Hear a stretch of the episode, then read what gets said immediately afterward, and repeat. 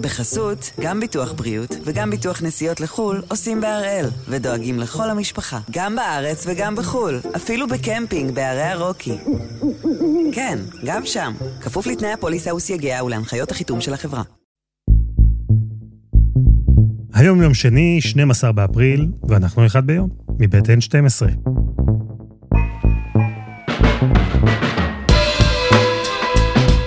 אני אלעד שמחיוף, ואנחנו כאן כדי להבין טוב יותר מה קורה סביבנו. סיפור אחד ביום, כל יום. והפעם אנחנו מדברים על הפסקת חשמל.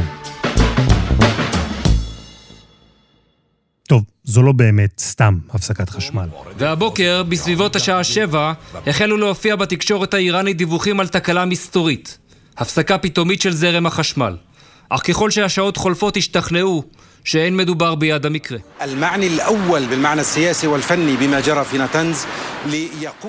כשהאורות במתקן הגרעיני בנתנז קבעו והמנועים דממו, ראשי המשטר באיראן התחילו לאמוד את הנזק ולחקור את מה שבדיוק קרה שם. הם אמרו בהתחלה שהם חושדים שמדובר בפעולה מכוונת. אחר כך כבר יגידו שמדובר בטרור גרעיני. ובזמן הזה, בישראל, ראשי מערכת הביטחון עשו את מה שהם עושים הכי טוב. אמרו הרבה בלי להגיד בעצם כלום. פעולותיו של צה"ל ברחבי המזרח התיכון אינן נסתרות מעיני האויבים. הם צופים בנו, רואים את היכולות ושוקלים את צעדיהם בזהירות. ואילו גורמי מודיעין, בלי שמות, אמרו שמדובר בפעולה מוצלחת של המוסד. אז הפעם אנחנו מדברים על הפסקת חשמל, שהיא לא באמת הפסקת חשמל, הפסקת חשמל שהיא לכאורה עוד שלב במלחמת סייבר מתקדמת שמתרחשת כאן באזור. אהלן דבורי. שלום אלעד. אז מה קרה במתקן הגרעיני בנתנז? תראה, העיתוי הוא מדהים. רק אתמול האיראנים חונכים section חדש של צנטריפוגות מתקדמות ומהירות יותר, מדגם כזה שיודע לעשות העשרה הרבה יותר מהירה ואפקטיבית. ואז אתה בפחות צנטריפוגות מביא יותר אה, אורניום מועשר פר זמן, וזו נקודה מאוד מעניינת, ויממה אחרי זה, יש להם אה, איזושהי תקלה במערכת החשמל של המתקן, מתקן ההעשרה בנתנז. עכשיו, תבין, צנטריפוגה כזו מסתובבת במהירות אדירה של אלפי uh, סיבובים בדקה. ובבת אחת מישהו עוצר את מערכת החשמל, מה קורה למנוע? הוא בבת אחת נבלם. כשהמהירות הזו uh, פוגשת ברקס כזה, הצנטריפוגה מתפרקת. Hmm. אני מניח, ולא ביקרתי אף פעם בנתנז, שזה לא שיש איזה סוויץ'. כלומר, סביר להניח שאם זה מתקן מתקדם, כמו שאנחנו מעריכים, אז יש מערכת חשמל, ויש גנרטורים, ויש אולי גנרטורים לגנרטורים. זה אומר שכדי לחבל בחשמל של המתקן הזה, אתה צריך פה להשבית מערך מאוד מורכב ומאוד גדול. נכון, אתה צריך להכיר כמה דברים. איך בנוי המתקן, איך בנויות כל מערכות הצנטריפוגה שלו, איך בנויות מערכות החשמל והגיבוי שלו, ואז אתה יודע לפעול אחרי שאתה ניתחת את הדבר הזה, איפה נקודות התורפה שברגע שאתה פוגע, אתה משבית בדיוק את מה שאתה רוצה. צריך נוכחות פיזית כדי לפגוע ברשת חשמל כזו במתקן, או שאפשר היום לעשות את הדברים האלה מרחוק? אפשר לעשות הכל מרחוק, וזה בעצם הדבר היפה והחכם כאן. איך אתה פורץ מבלי להשאיר עקבות שידעו שהיית שם? גם זו יכולת שאין לה הרבה גורמים בעולם. ואחרי זה שיש לך את כל התוכניות ביד, אתה יודע לתכנן את המבצע. עכשיו, יכול להיות שאתה שוהה שם בתוך המערכת, מערכת המחשבים ומערכת החשמל של מתקן כזה או אחר, חודשים ושנים, אבל אתה מחליט מתי אתה פועל. והאופן שבו אתה יודע להיות חשאי ושקט ולעשות את זה, זה יכולת מדהימה, שבאמת יש בדרך כלל רק למעצמות. כלומר, לפי מה שאתה מתאר, לא נשמע סביר שתקלה חשמלית שכזו, היא רק תקלה. ממש לא, וזה בעצם כל הרעיון כאן. הרעיון הוא מהלכים שאתה יודע לעשות לבד, גם בהיבט המודיעיני וגם בהיבט המבצעי, והיכולת לייצר שורה של מבצעים ששומרים אותך מתחת לרף המלחמה. אתה מסב נזק, אתה פוגע באופן משמעותי, אבל לא באופן כזה שעכשיו מכניס את שתי המדינות למלחמה ראש בראש גלויה, שישראל, כנראה גם האיראנים לא רוצים בשלב הזה. ואנחנו נחשפנו לעובדה שבכלל הייתה תקלה מהאיראנים. מה האינטרס שלהם לחשוף את הסיפור הזה, שבסוף, צריך לומר, פוגע גם במוניטין שלהם? אה, שני דברים או שתי אפשרויות כאן. אחד, הם מבינים שזה נזק גדול ומשמעותי, כזה שלא ניתן להסתיר אותו מהעיניים של הפקחים של סבא, סוכנות האנרגיה הבינלאומית, והם יגיעו למקום הזה והם יראו את הדברים האלה, אי אפשר יהיה להסתיר זאת. אז הם אולי מקדימים טיפה את, אה, את העניין וכבר מדווחים על משהו. והדבר השני, כשהאיראנים אה, מספרים שקרה להם משהו, זה אולי כי זה נותן להם אחרי זה את העילה להגיב. ואנחנו נמצאים אה, בנקודה מאוד רגישה, שבה גם אה, האיחוד האירופי אה, מנהל היום משא ומתן עם האיראנים על הגרעין, וגם האמריקאים בוחנים אפשרויות לחזור להסכם הגרעין בצורה כזו או אחרת. איראן רוצה להשפיע על זה, וגם אנחנו, ישראל רוצה להשפיע על הדבר הזה. ולכן יש כאן מערכה מאוד גדולה שמתנהלת במקביל, ומה שאנחנו רואים על נתן זה יכול להיות חלק ממנופי הלחץ שיש מי שרוצה להפעיל בשלב הזה גם כדי להשפיע על ההסכם המתגבש. ופעולות מהסוג הזה, כמה הן נפוצות? ישראל ואיראן אה, נמצאות במערכה כבר עשר שנים. המערכה הזו רובה חשאית, והיא אה, קורית יום-יום. כל יום קורים דברים. אנחנו אה, פועלים כנגדם והם פועלים כנגדנו, ומעת לעת אתה יכול לראות שיש דברים שנחשפים ויוצאים אה, כך כלפי חוץ. למשל, הם תוקפים אה, אונייה בבעלות ישראלית, ואז אנחנו שומעים על כך. או ישראל פועלת בסוריה כנגד אה, כוחות או משמרות המהפכה, ושומעים ורואים את זה. אתה יודע שכל יום יש עשרות ומאות תקיפות סייבר כנגד מערכות ביטחוניות או מערכות אסטרטגיות בישראל, רובן על ידי איראן. והמערכה הזו מתגלגלת, רצה ורק מתעצמת.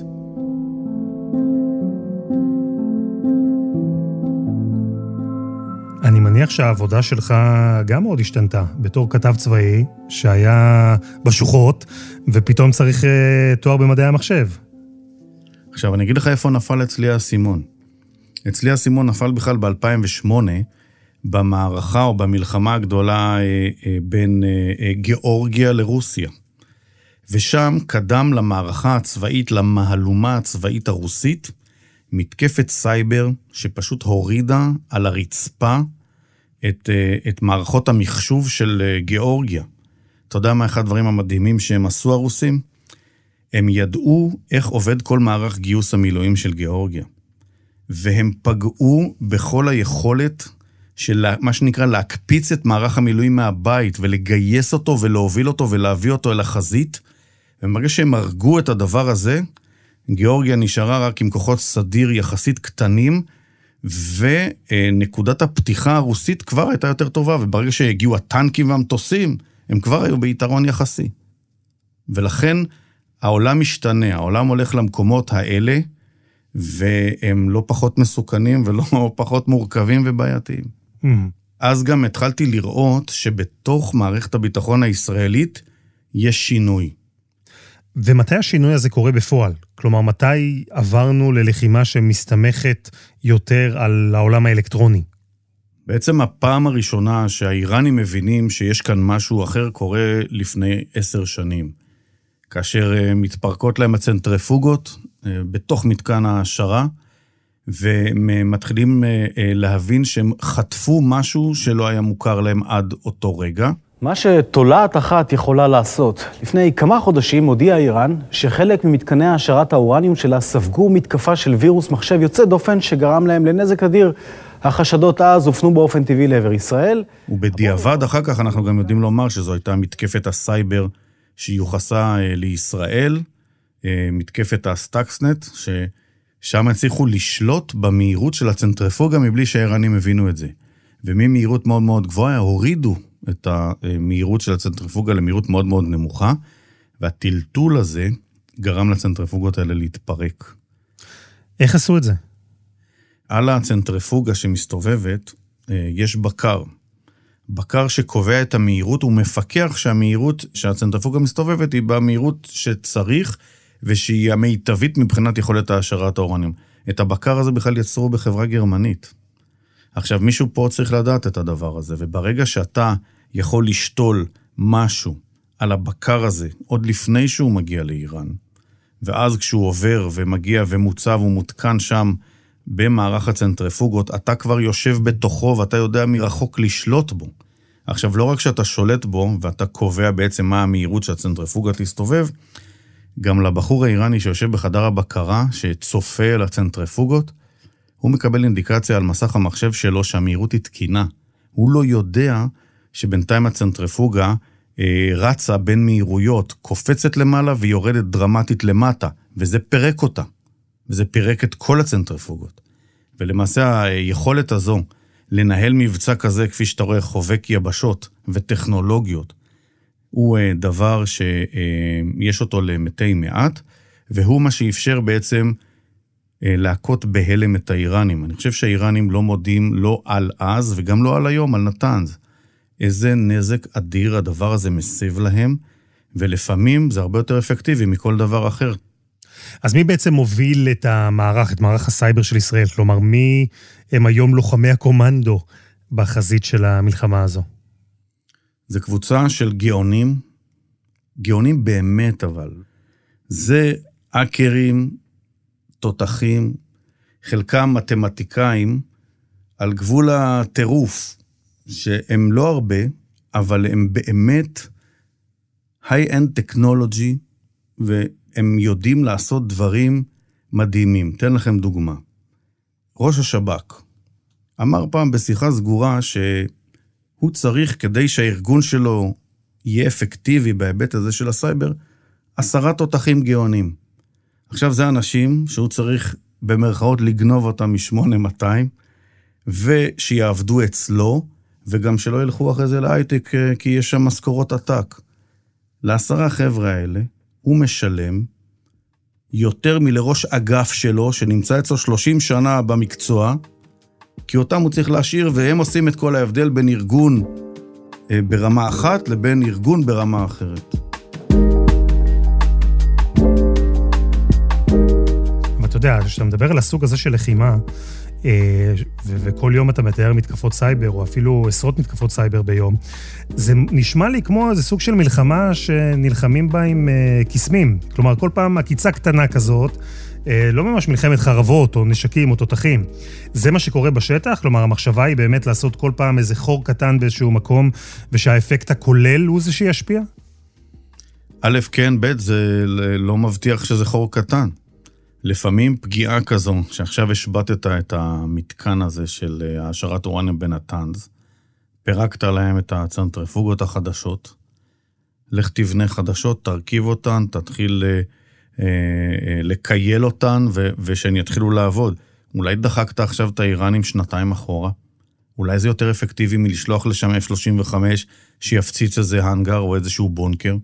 באירוע קיברנטי אפשר למשל לעשות אה, תקלה שתפגע בכל מערכת הרכבות של מדינת ישראל, ועשרות קרונות אה, יתרסקו ויהיו עשרות, מאות ואלפי נפגעים. זה יותר משטיל פגע בקריה בתל אביב, נכון? אז לכן, אה, לפעמים אירוע קיברנטי יכול להיות הרבה יותר קטלני. אנחנו שומעים באופן טבעי הרבה על ההצלחות הישראליות. מה קורה עם הצד השני? הצד השני הוא לא פראייר. הצד השני בונה יכולות, והוא לומד אותך, והוא מנסה לחדור ולהשפיע ולשבש. איראן מנסה באופן שיטתי לפגוע אה, במתקנים ומערכים אסטרטגיים של מדינת ישראל. זה יכול להיות מדברים יחסית פשוטים, כמו אתרים של משרדי ממשלה, אבל זה גם יכול אה, הרבה מאוד ניסיונות לפגוע ברשת החשמל הישראלית ובחברת החשמל הישראלית, במקורות כמובילת המים, של מדינת ישראל במתקני התפלה. תאר לך שאתה עכשיו השבתת שני מתקני התפלה של מדינת ישראל.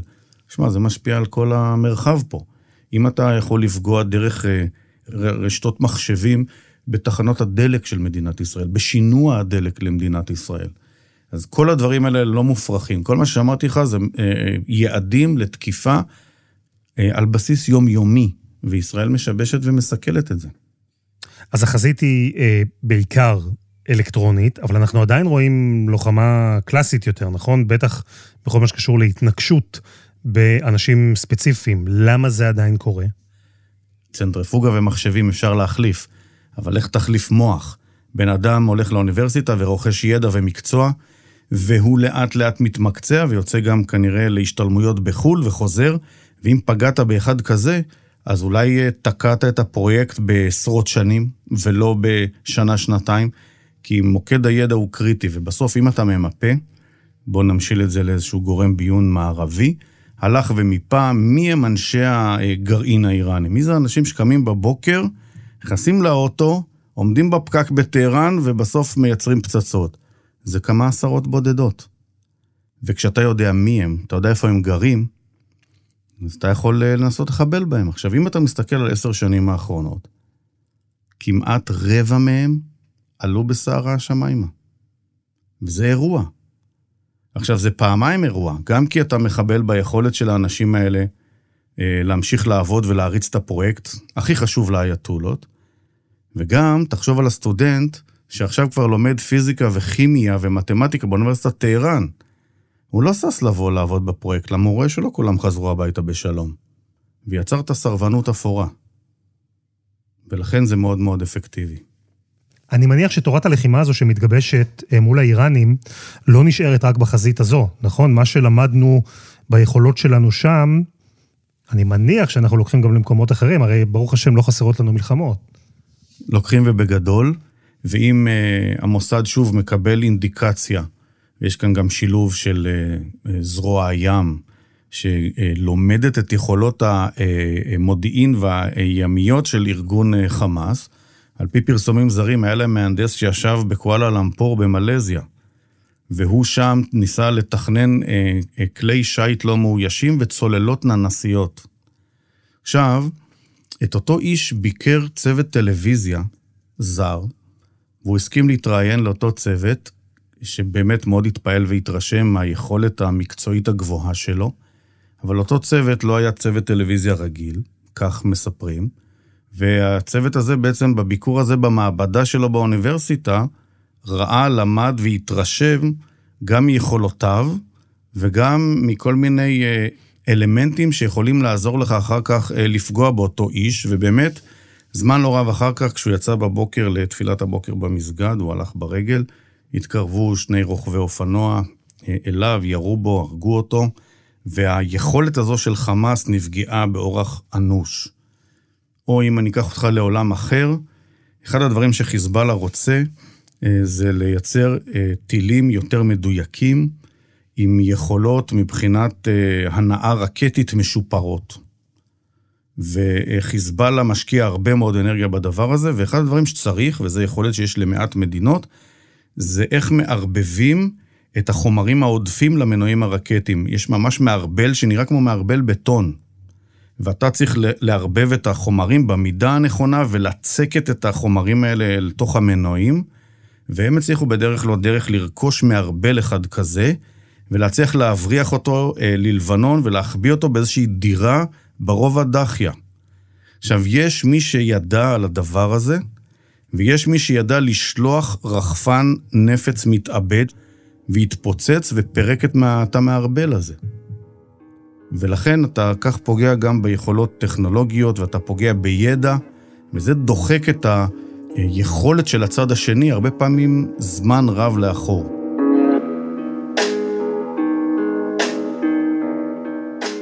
אז מכל מה שאתה אומר, דבורי, נשמע לי שאנחנו כבר לא נראה מלחמות של פעם, עם טנקים ומטוסים ותותחים ויריות משני הצדדים.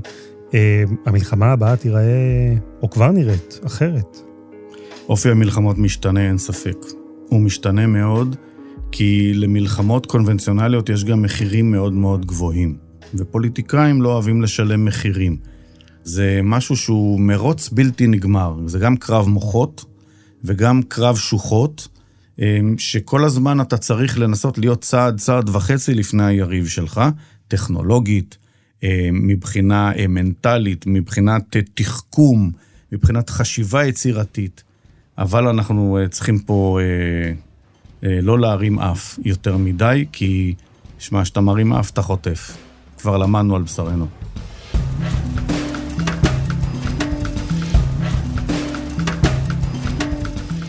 ניר דבורי, תודה רבה. רק בשמחות. וזה היה אחד ביום, מבית N12. אפשר למצוא אותנו ב-N12 ובכל אפליקציות הפודקאסטים. אם תעקבו אחרינו תוכלו לקבל בכל בוקר את הפרק החדש, ואם אהבתם את אחד ביום, ספרו עלינו לחברים. אף פעם אי אפשר לדעת מתי מישהו יוריד להם את החשמל, והם בדיוק יחפשו משהו להאזין לו, להעביר את הזמן. העורך שלנו הוא רום אטיק, בצוות דני נודלמן ועדי חצרוני, על הסאונד יאיר בשן, ואני אלעד שמחיוף, ואנחנו נהיה כאן גם מחר.